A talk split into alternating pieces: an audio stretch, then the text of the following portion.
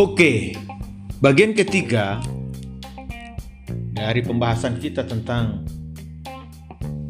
fenomena Arab Spring terhadap perang proksi, saya mau berbicara tentang globalisasi di Timur Tengah.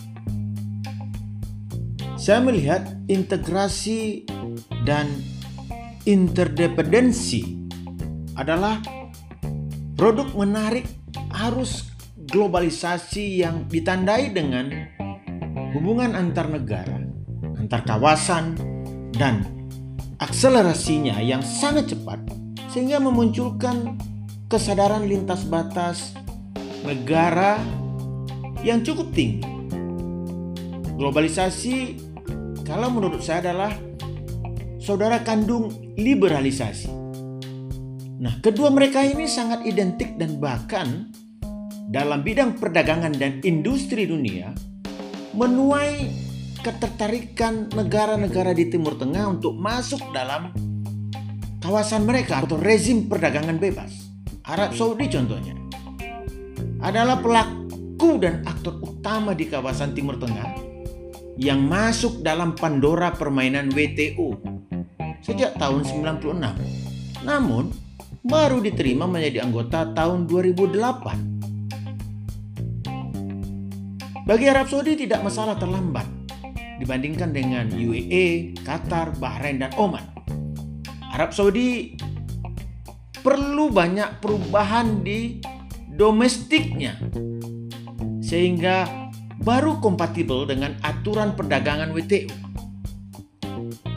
Kecenderungan ini juga berpengaruh terhadap berkembangnya pusat-pusat jasa keuangan di kawasan. UAE contohnya mengembangkan Abu Dhabi sebagai sentral perdagangan dan jasa keuangan di Timur Tengah. Mereka bersaing dengan Hong Kong dan Singapura. Kenapa? Karena mereka sangat sadar bahwa sumber daya alam, terutama minyak, suatu saat akan habis.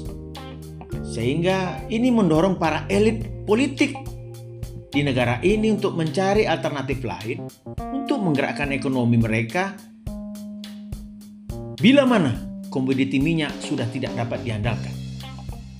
Abu Dhabi berkembang pesat menjadi sebuah kota pelabuhan dan galangan kapal bagi kapal-kapal besar yang melewati Teluk Persia. Karena apa? Mereka mempunyai keuntungan geografis sebagai tempat pertemuan antara timur dan barat.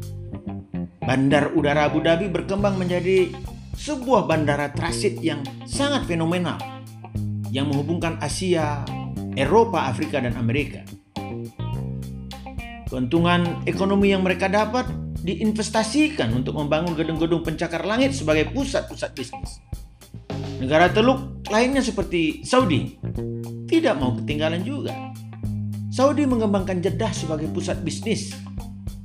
Saudi bersaing dengan Abu Dhabi dan juga berencana membangun gedung-gedung tinggi untuk mengalahkan popularitas Burj Al Khalifa.